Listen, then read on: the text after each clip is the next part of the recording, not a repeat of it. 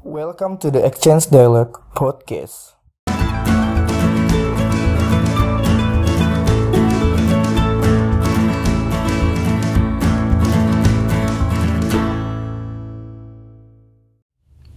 Podcast ini adalah tempat untuk berdiskusi.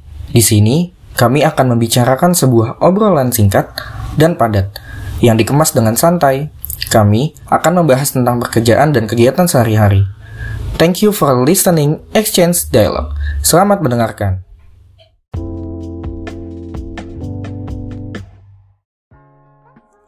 Hai guys, kembali lagi ke Exchange Dialogue bersama gue Albasit. Ya, episode kali ini akan menceritakan perubahan hidup setelah menikah, yaitu banyak banget ada perbedaan-perbedaan yang kalau kita lihat kalau di kehidupan sebelum menikah oh gue melakukan hal seperti ini loh. Oh kalau gue tidur kayak gini loh. Oh kalau gue punya keuangan keuangan gue kayak gini loh. Tapi kalau misalnya kita bicara hidup setelah menikah pasti kan ada perbedaan. Nah kali ini kebetulan banget gue dipertemuin sama salah satu narasumber gue yang sudah menikah. Nah, baiknya mungkin agak ada sedikit diskusi bareng sama teman gue ini karena gue belum menikah, jadi gue nggak tahu. Nah, untuk tahunya lebih baik ke teman gue aja. Nah, kali ini gue bakal ngenalin teman gue namanya Mas Rai. Mas Rai ini tinggal di salah satu ibu kota Jakarta di tengah kota dan mungkin agak dikenalin dulu Mas Ray intronya biar si pendengar bisa tahu lu siapa? Mungkin biografinya pekerjaannya atau asalnya atau apa. Oke, salah halo semua pendengar, nama gue Ray Pradana. Gua uh, saat ini seorang penulis yang kebetulan ya terdampak dengan wabah yang sedang melanda ibu kota ini gitu. Itu ya pada jadi nitip nitip iklan dikit ya. boleh banget, boleh banget. Iklannya di awal, jangan di belakangan, biar didengar. Jadi kalau ada yang butuh tulisan apa pun, sekali lagi ingetin apa pun, silakan ya. Gue latar belakang pendidikan gue, ya gue sempat kuliah di UI tapi uh, terus nggak selesai dan sekarang ya kondisi semi nganggur sih. Oke, ini semi nganggur karena lagi WFA, lagi karena corona kali ya. Sama sih mas, gue juga bisa dibilang semi nganggur ini, nggak ada job. Cuman kalau corona nggak ada nih kayak kita mulai aktivitas lagi. Karena mungkin kondisinya lagi kayak gini aja sih ya.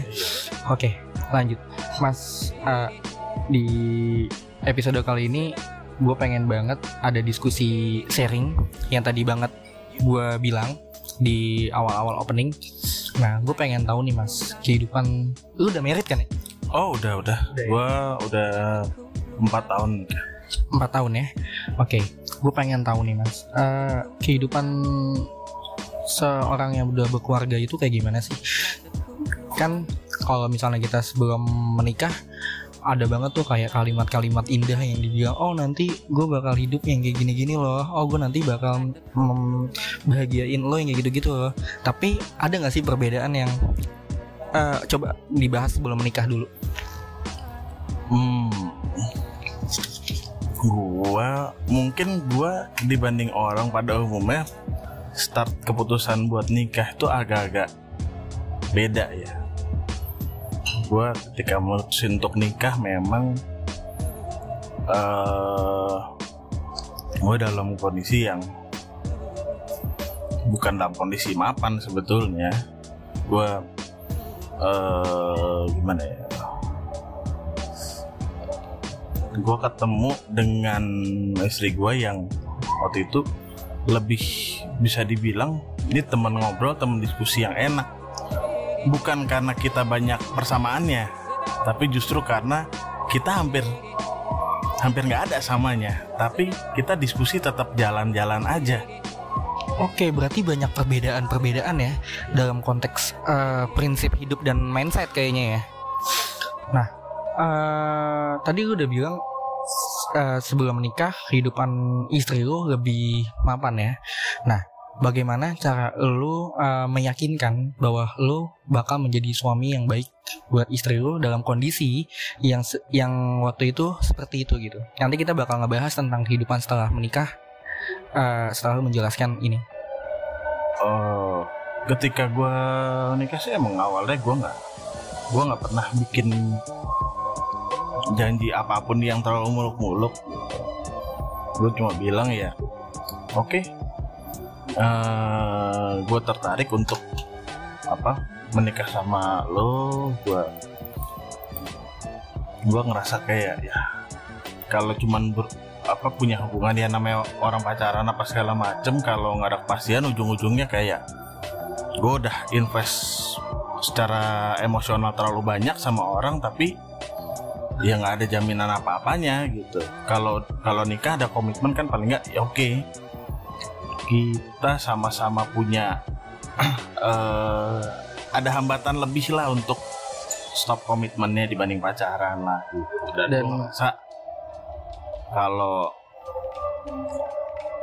uh, ya gue bisa jan janjiin cuma satu waktu itu gue cuma bisa janjiin kalau gue akan tetap berusaha untuk hubungannya.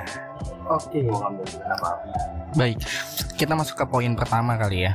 Poin pertama itu adalah, nah, di ini sebetulnya peran suami sih ya. Masalah finansial itu kan harus banget dipikirkan uh, ke depannya, karena pasti uh, jika lo ada anak pasti akan bertambah. Jika anak semakin dewasa, pasti akan lebih bertambah lagi dari pendidikannya dan kebutuhan uh, si anak tersebut gitu kan. Nah, tidak bisa dipungkiri, masalah finansial itu menjadi suatu hal yang krusial saat berumah tangga. Dari yang biasanya sendiri, sekarang harus menghidupi istri dan anak itu. Dari yang biasanya sering hangout, sekarang mulai memikirkan menabung untuk membeli rumah dan eh, investasi-investasi yang lainnya gitu kan. Nah, apa yang lo terapin dalam kehidupan lo setelah menikah? Kalau secara finansial sebetulnya bukan lebih susah sih, cum. Apa memang satu poinnya kalau namanya kita tinggal pagi di Jakarta ibu kota ya. Penghasilan sendiri aja buat ngidupin diri sendiri kadang-kadang ngepas. Ini mau dipaksain penghasilan sendiri ngidupin berdua udahlah. Kalau masih mikir ah gue bisa kok dengan penghasilan gue sendiri ngidupin dua orang udah lupain aja nggak usah nikah. Karena gue yakin pasti ya ujung-ujungnya bakal ribut segala macem. Yang gue lakuin ya gue membiarkan istri gue untuk tetap kerja juga gitu. Dengan catatan ya porsi gue untuk bersama. Ya dia buat belanjanya dia dan kalau dia mau ngasih ke gue serah gitu. Gue nggak kebetulan ya gue emang orang yang gampang hemat. Jadi uh, pengeluaran buat gue pribadi kecil. Ditambah lagi istri gue bisa masak segala macem. Ya makin hemat lah gitu. Nggak perlu bayar ya saya kosan kan ya nggak harus bayar. Makan lebih banyak di rumah belanjaan jadi lebih murah segala macem. Sebenarnya secara finansial malah lebih gampang sih. Berarti bisa dibilang open komunikasi yang baik ya? Karena kalau misalnya kita lihat iya. komunikasi itu paling penting banget ya di ada suatu hubungan gitu ya. Nah kita masuk lagi ke poin ke dua. Kan ada orang tua atau mertua yang perlu lu jaga ya bang ya? Hmm. nah menikah itu kan menyatukan dua keluarga yang berbeda. Dengan kata lain kalian baru menyatukan dua hmm, tabiat ya. Dua tabiat dua pemikiran dua pandangan yang berbeda gitu kan. Dan gimana caranya lu bisa bekerja sama uh, untuk menghafal kebiasaan orang tua kalian masing-masing gitu kan. Nah, dengan membiasakan diri untuk menjaga dua keluarga, tentu akan jauh lebih mudah memperhatikan dan menjaga mereka. Apa yang lu terapin sehingga komunikasi itu karena yang kita tangkap mungkin di Indonesia ya menikah itu kan bisa dibilang bukan lu nikahin anaknya aja tapi nikahin keluarganya juga. Dalam arti uh, mengebangun komunikasi sama keluarganya juga gitu kan. Nah gimana caranya lu menerapkan itu? Uh, di awal memang gue sama istri gue kita punya kesepakatan. Ya pada akhirnya yang akan ngejalanin hubungan ini kita berdua. Tapi memang pasti ada ikut campur tangan dari orang tua pasti ada. Baik nah, makanya gue bilang urusan keluarga gue gue yang akan handle sebisa mungkin tapi urusan keluarga dia dia yang handle. Kalaupun ada yang harus dikompromiin di tengah jalan ya kita akan ngobrol berdua. Baik. oh apa? Misalnya mertua gue minta gue untuk apa dia akan nyampein istri gue begitu juga ketika orang tua gue minta sesuatu ke istri gue gue yang akan nyampein. Tentunya dengan bahasa yang halus misalnya ah ini terlalu jauh apa segala macem gue juga akan berusaha untuk nahan orang tua gue dia juga akan nahan orang tua orang tuanya dia juga gitu Nah, kalau misalnya dengan menikah gitu kan, semakin banyak banget sifat pasangan yang terbuka gitu kan. Terbuka dalam arti eh, kita bisa melihat berbagai aspek gitu kan. Jadi contohnya adalah eh, misalnya lu kayak kentut sembarangan, terus mandinya lama banget gitu kan. Terus eh, misalnya lu bangun tidur eh, ny- rebahan dulu, masih ngikutin kebiasaan dulu atau tidurnya ngorok gitu itu kan ada aspek-aspek yang harus bisa dimaklumin gitu kan. Nah itu gimana tuh? Jalan ceritanya. Mungkin ada cerita lucu yang bisa dibahas di sini? Wah, ini sebenarnya hal-hal seperti ini nih hal-hal yang sangat penting sebenarnya dalam dalam orang mau nikah ya mesti mesti tahu, mesti nerima dan ya harus paham juga sih kalau namanya orang merubah kebiasaan tuh nggak gampang. Men dia udah 20 tahun lebih tinggal sendiri, punya kebiasaan sendiri. Begitu kenal sama kita, dia harus merubah kebiasaan itu dalam sekejap. Udah nggak mungkin. Gitu. Pasti mau nggak mau ya kita harus bilangin ingetin berkali-kali segala macem. Gitu. Dia dan kalaupun misalnya ada yang miss sekali dua kali ya nggak masalah. Kayak gua banyak banyak kebiasaan gua yang jelek gitu yang oke baik. Eh, setelah eh sebelum lu menikah gitu lu suka nongkrong gak sih? Nongkrong kayak sama teman-teman lo atau gimana gitu? Oh iya dong. Suka banget ya? Nah ini Tiap nih. nah wajib. wajib ya nah ini kan setelah menikah itu kan pulang rumah langsung eh pulang kerja langsung ke rumah gitu kan itu adalah prioritas utama. Karena lu nggak bakal bisa lagi ngayap sana sini gitu kan. Ada hal yang harus lu lakuin lagi di rumah gitu kan. Selain ngebangun komunikasi yang lebih baik lagi dan membangun kepercayaan yang dijaga gitu kan. Nah itu gimana tuh? Eh, mungkin ada cerita atau eh, saran buat mereka-mereka yang mau memulai bisa lu saran Hmm. Ya kalau namanya dilarang harus priori. Kalau namanya prioritas tuh nggak bisa ada, kita paksain. Gue nggak bisa maksain nih, istri gue buat nggak keluar keluar rumah, nggak boleh jalan sama temennya. Gue nggak bisa maksain itu. Gitu. Begitu juga gue, istri gue nggak bisa maksain gue untuk gue mau jalan sama temen gue. Gitu. Tapi selalu ada tapinya ya tapi kita sama-sama tahu kalau prioritasnya adalah masing-masing gitu. Jadi kalaupun apa namanya tuh kalau misalnya ada hal-hal yang penting kayak oh kita udah janjian mau jalan bareng atau mau ketemu orang tua segala macam ya kita prioritasin itu ketimbang jalan sama temen lah. Gitu. Tapi begitu apa temen ngajakin nongkrong apa segala macam ya udah. Gitu. Nggak apa-apa ya, nak- ya toh pada akhirnya kita kita dua individu men Nah. ini ada poin penting nih dulu mungkin pada saat masih muda lu menyad- lu tidak menyadari bahwa perjuangan orang tua buat ngedidik lo itu berat banget gitu kan tantangan. Kayak lu masih ngelarang apa ngelawan orang tua. Karena kita sebagai anak muda mungkin pernah ngerasain hal itu ya pasti banget ya. Oh iya. Sih banget ya. Nah, tapi pada saat lu menjadi oh, eh, seorang suami gitu atau mungkin seorang ayah, itu itu itu gimana tuh caranya? Akhirnya wah anjir ternyata kayak gini ya jadi jadi jadi punya punya keluarga sendiri gitu. gue sekarang begitu udah berkeluarga gue jadi sadar sih kenapa orang tua gue dulu melakukan apa yang mereka lakukan lah gitu. Karena apa akhirnya begitu sekarang gue punya keluarga dan bentar lagi gue bakal punya anak gue bersadar men jadi jadi apa punya keluarga gitu. Punya anak itu nggak ada buku panduannya men. Gitu. Kita nggak tahu kalau kita bener kita nggak tahu kalau kita bakal salah gimana. Dan tapi kita harus tetap apa ya harus tetap ngejalanin kehidupan. Gitu harus tetap ngurusin istri harus tetap ngurusin anak segala macam. Ya, kalau salah kita nggak tahu. Kalau bener kita nggak tahu juga gitu itu ibaratnya ya kalau buat orang kuliah mungkin ibaratnya kayak lo di sidang tiap hari seumur hidup. Sidang tiap hari ya. Seumur Iya hidup. tapi tapi gue setuju sih sama lo. Gue setuju banget yang yang di mana gak ada buku panduan ya. Bener banget ya penerapannya itu harus bisa dibilang otodidak ya. Lu ngikutin ya mungkin bisa dibilang otodidak dalam arti lu mengikuti eh, penerapan orang tua lu yang dulu dan lu bisa terapin itu gitu. Mungkin ada sebagian dari apa yang diterapin orang tua gue bisa gue aplikasiin. Tapi nggak semuanya pak. Toh padunya tiap orang kan beda-beda. Gitu tiap hubungan juga pasti jadinya beda-beda kan? Gitu. Berarti ya harus gue sendiri yang yang mikirin oke ini mungkin ada metode yang benar apa yang salah gimana segala macem. Nah, ini kalau kita ngelihatnya ada hal-hal, ini ada poin yang lucu nih mungkin yang bakal bisa gue bahas. Poin yang di mana kalau kita ngelihat pas masih pacaran tuh bucin banget. Iya gak sih? Dalam arti kayak baru dikit-dikit chat, chat, dikit-dikit video call, dikit-dikit eh teleponan, gak ada kabar dikit nyariin, lagi sibuk sama temannya baper.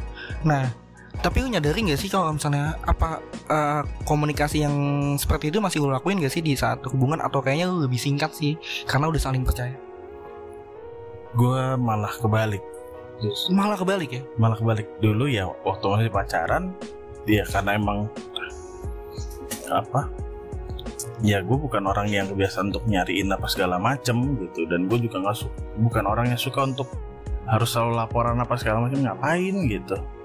Capek banget gitu. Ya apalagi gue mik gue mikirnya ya, karena waktu itu gue mikir buat istri gue kan ya gue mau seriusin ya kalau masih pacaran aja udah kayak gini gimana nikah nanti gue males banget kalau overthinking ke mana-mana ya Iya, gue males banget kalau mesti nikah. Begitu udah nikah, terus gue harus laporan tiap hari apa segala macem. Gitu. Tapi begitu gue udah nikah, anjir, iya bener ya, ya. Tapinya gue. banyak tabinya kan begitu gue nikah. ngopi dulu bang kita ada kopi dua nih biar enak yang dengerin kayaknya sambil ngopi juga sih bete banget dengerinnya.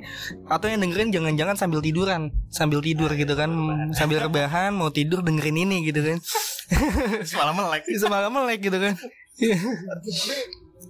Nih ya, begitu gue udah nih, ah gue jadi nggak jadi mikir ya, gue udah komit sama istri gue, gitu. Masa gue nggak ma nggak mau sih spare walaupun kita ya sedikit catatan gue sama istri gue kadang-kadang serumah kadang nggak serumah karena kita punya orang tua yang udah tinggal sendiri masing-masing jadi kadang-kadang kita bagi bagi tugas lah gitu. Kadang-kadang dia harus nemenin orang tuanya gue harus nemenin orang tua gue jadi nggak jarang kita misah. Nah ketika kayak gitu tuh ya udah gue inisiatif untuk laporan. Misalnya gue hari itu ada jalan keluar terus gue udah pulang ya gue lapor gue udah pulang nih gini gini gini gini gini. Dia nggak minta. Gue yang inisiatif. itu inisiatif ya? Iya. Karena gue nggak suka diminta, mendingan gue yang inisiatif. Gue cobain gitu, ternyata ah, alhamdulillah istri gue ngelihat itu dan dia juga nerapin hal yang sama. Jadinya gue nggak perlu minta kabarnya dia. Dia kalau nyampe rumah segala macem, dia ngabarin sendiri. tapi insenkur apa insen apa Inisiatif. inisiatif ribet banget mulut gue ya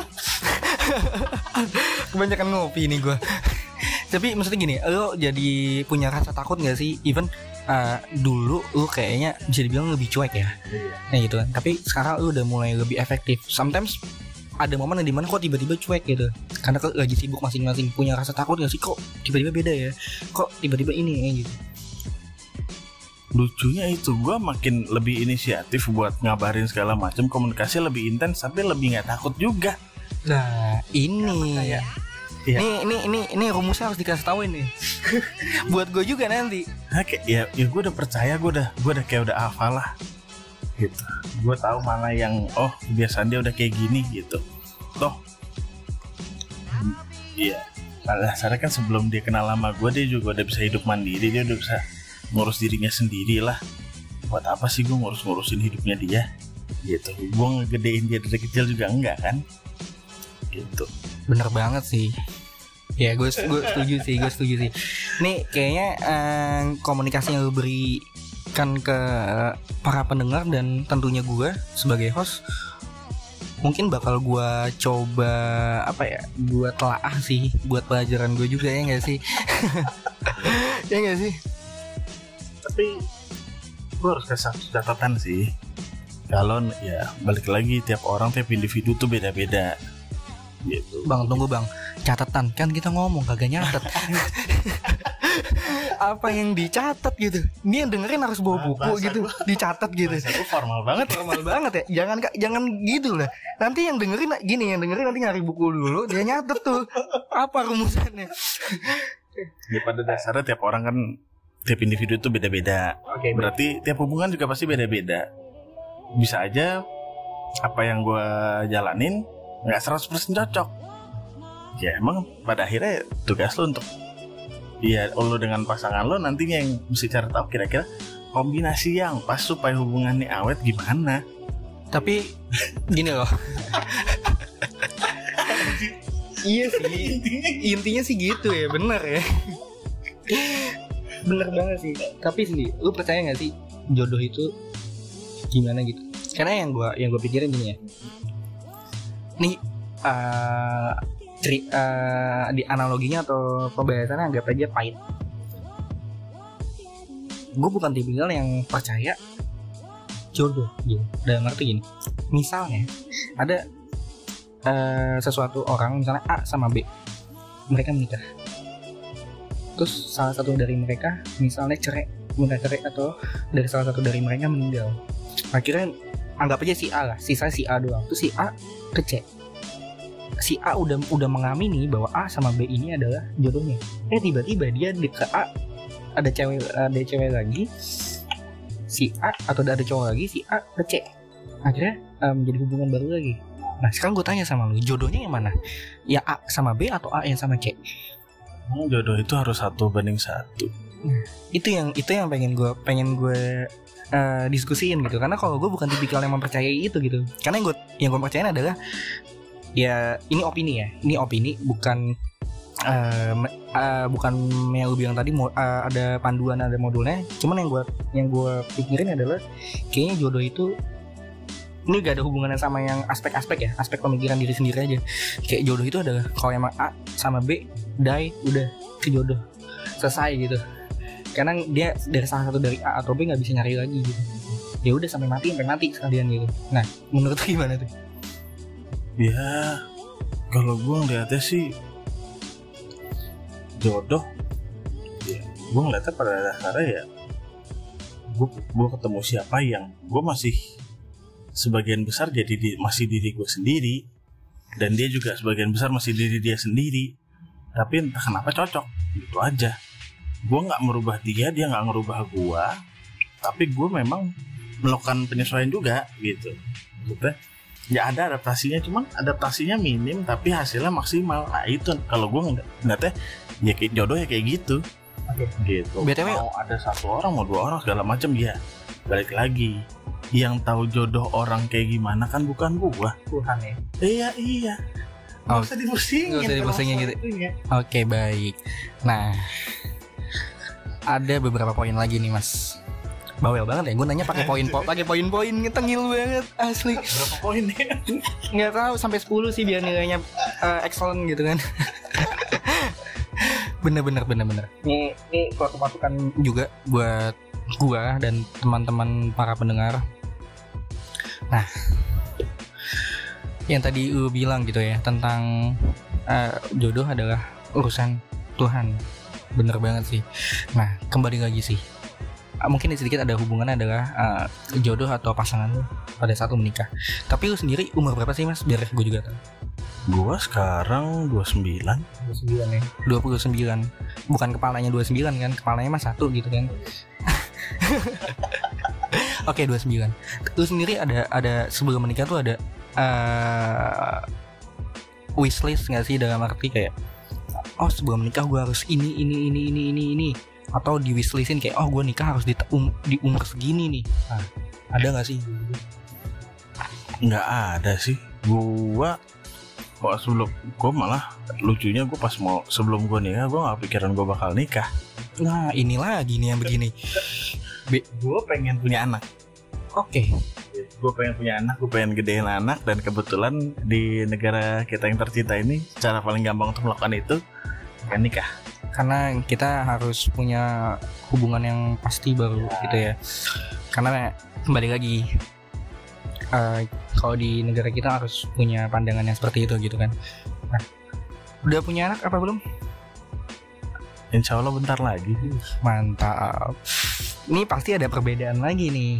Lu ngurusin anak ganti-gantian segala macam gitu kan. Udah ada eh, pemikiran belum sih jangkauan buat anak lo nanti kayak gimana? Dalam pendidikan ngedidiknya atau gimana? Kalau untuk ngedidik anak sebenarnya sih ya belum pengalaman juga ya. Pengalaman sih cuman ya persiapannya ya sebisa mungkin. Gue ngeliat dari pengalaman gimana orang tua gue ngegedein gue ya orang tua gue ngegedein gue tuh mereka nggak nggak satu suara. Gue cuma bilang ya sebisa mungkin gue sama istri gue satu suara deh kita gitu. Oke. Jangan ada yang satu bilang A yang lain bilang oh bukan A B ya, ya gitu deh. Paling nggak ya kalaupun salah ya udahlah nggak apa-apa gitu. Penting berarti sejalan aja. bisa dibilang eh lu nanti bakal ngedidik anak ngikutin apa yang didik orang tua gitu kan. Nggak ngikutin apa yang lu rasain gitu. Karena kalau misalnya kita masih muda ah nanti kalau gue punya anak gue nggak mau ah ngedidiknya kayak orang tua yang nggak boleh ini nggak boleh ini gitu. Ya gue ketika gue ngedidik gue yang penting tujuan gue cuma satu sih. Yang penting tujuan gue anak gue bisa hidup mandiri nggak nyusahin orang dia mau jadi apa pun terserah. Jadi gue bebasin ya open open family ya bisa dibilang ya. Kalau gue juga kalau kalau gue belum nikah tapi gue udah ngurusin anak anak kucing. Anak kucing cuy. Cuma ngurusin makan gantiin pasir kucingnya buat dia pup udah selesai. Ribet itu. Bahasanya beda. Makanya itu yang puyeng gue manggil mah nengok. Disuruh makan nunggu lapar. Bunyi kresek dikit datengin gitu. Tuh puyeng gue ini ngomongnya gimana man Ngom- ini ngomongnya gimana gitu kan. Pagi-pagi udah meong-meong minta makan gitu kan. Dikasih makan gak dimakan? Waduh. Iya nggak dikasih makan nggak dimakan. Gua kagak tahu porsi laparnya kayak gimana. Udah gitu dia doyan lagi lauknya itu itu aja dari dulu. Udah nggak ada yang lain. Kalau kita Indonesia bisa ganti-ganti. Aduh aduh, ini ini jadi jadi ke mana-mana nih podcast kali ini nih. Keren keren. So sebelum penutupan harapan lo eh apa buat orang-orang yang ingin memulai kehidupan menikah supaya mereka sebelum menikah punya jalan pikiran yang baik dan positif sehingga tidak ada terjadi yang pahit di luar dugaan gitu. Mungkin lo punya harapan atau dan saran buat mereka-mereka yang ingin siapa tahu yang dengerin podcast ini kan wah gue pengen nikah ya dengerin dulu gitu kan dia nyari tuh di platform musik di kehidupan sebelum menikah nongol nih podcast gue judulnya yang ini. Nah, siapa tahu yang dengerin bisa oh gini ya kehidupan setelah nikah. Nah, Nah ada satu sih yang ada satu trik yang gue pakai dan ini bisa dipelajarin bisa diterapin banget sebenarnya buat semua orang dan gue ini cukup penting karena namanya berpasangan pasti kan ada aja lah konflik-konflik lah masalah komunikasi segala macem. Nah yang gue pelajarin adalah ketika ada masalah ada hal yang kita nggak suka dari pasangan kita jangan salahin nggak usah salahin orangnya gampangnya gini tindakan dia apa dan itu bikin perasaan kita jadi gimana gitu.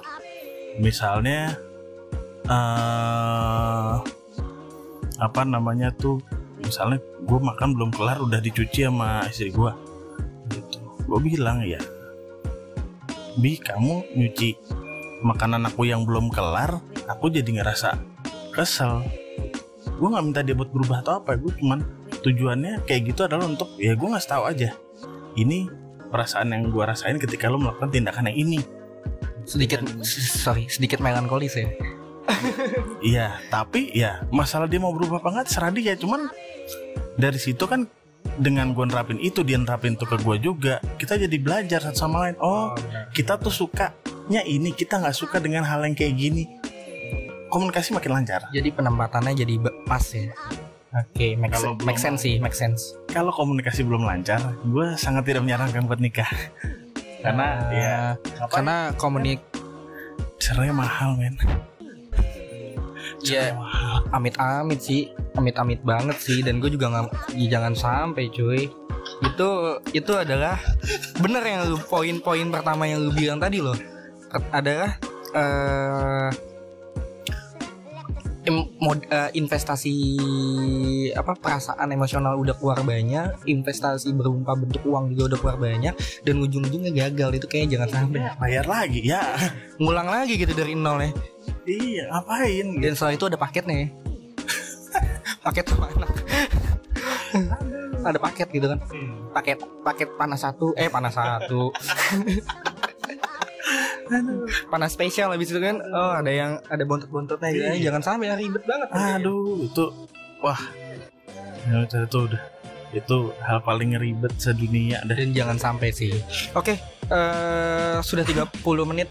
Eh komunikasi kita ya nggak berasa banget ya. Gila ya nggak berasa 30 menit. Pas pas banget rokok udah habis berapa batang kita kopi kita udah tinggal dikit ini. Eh, sebelum penutupan oh gue sebelum penutupan lagi. Ya sebelum selesai lah. Ada yang mau dipromosiin lagi? Instagramnya atau mungkin ada yang mau DM di lu buat ngebahas oh gue mau bikin buku atau penulisan segala macam bisa dibahas di di, di sini sekalian. Penutupan gue mau promoin ini aja. Gue mau promoin usaha istri gue jadi eh ya karena kita sekarang lagi ada dalam kondisi bencana kan gitu istri gue bikin sama teman-temannya mereka bikin untuk apa ya kita bantu distribusiin lah orang-orang yang punya barang atau jasa segala macem yang susah buat iklan apa segala macem. Ya udah yuk lewat lewat akunnya di Instagram @wardom titik jaksel. Spellnya bang? Spellnya? W A R D O M titik J A K S E L.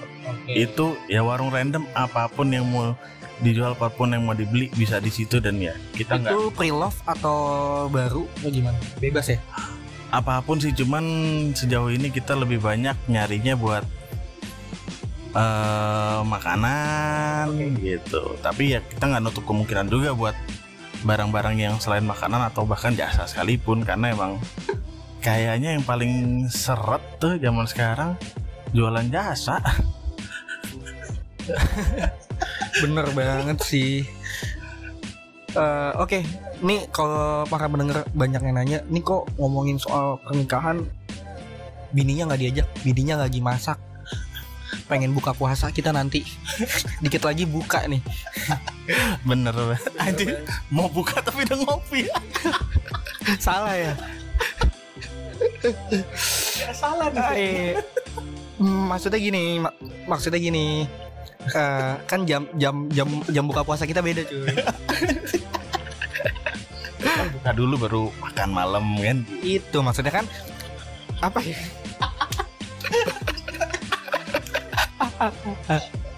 ya intinya intinya bininya lagi masak gitu. Karena abis ini kita pengen makan. Basa basi aja sih padahal mah kagak makan. Orang dari tadi kita ngerokok. Tadi ujungnya nanya ini ngeteknya sebelum buka puasa, eh sebelum bulan puasa apa sesudah bulan puasa gitu. belum Ah, belum gitu kan intinya. ya udah paling gitu aja. Eh, terima kasih sudah ikut mendengarkan. Mohon maaf apabila ada kesalahan ucap dan mungkin bisa dibilang perbedaan pemikiran yang mungkin tidak bisa diterima mohon dimaklumkan aja. Bagi kalian yang mau jadi narasumber gue, boleh banget silakan DM di Instagram gue di ALBASITHS atau di Instagram teman gue Algasi Riandri. Paling gitu aja. Terima kasih. See ya.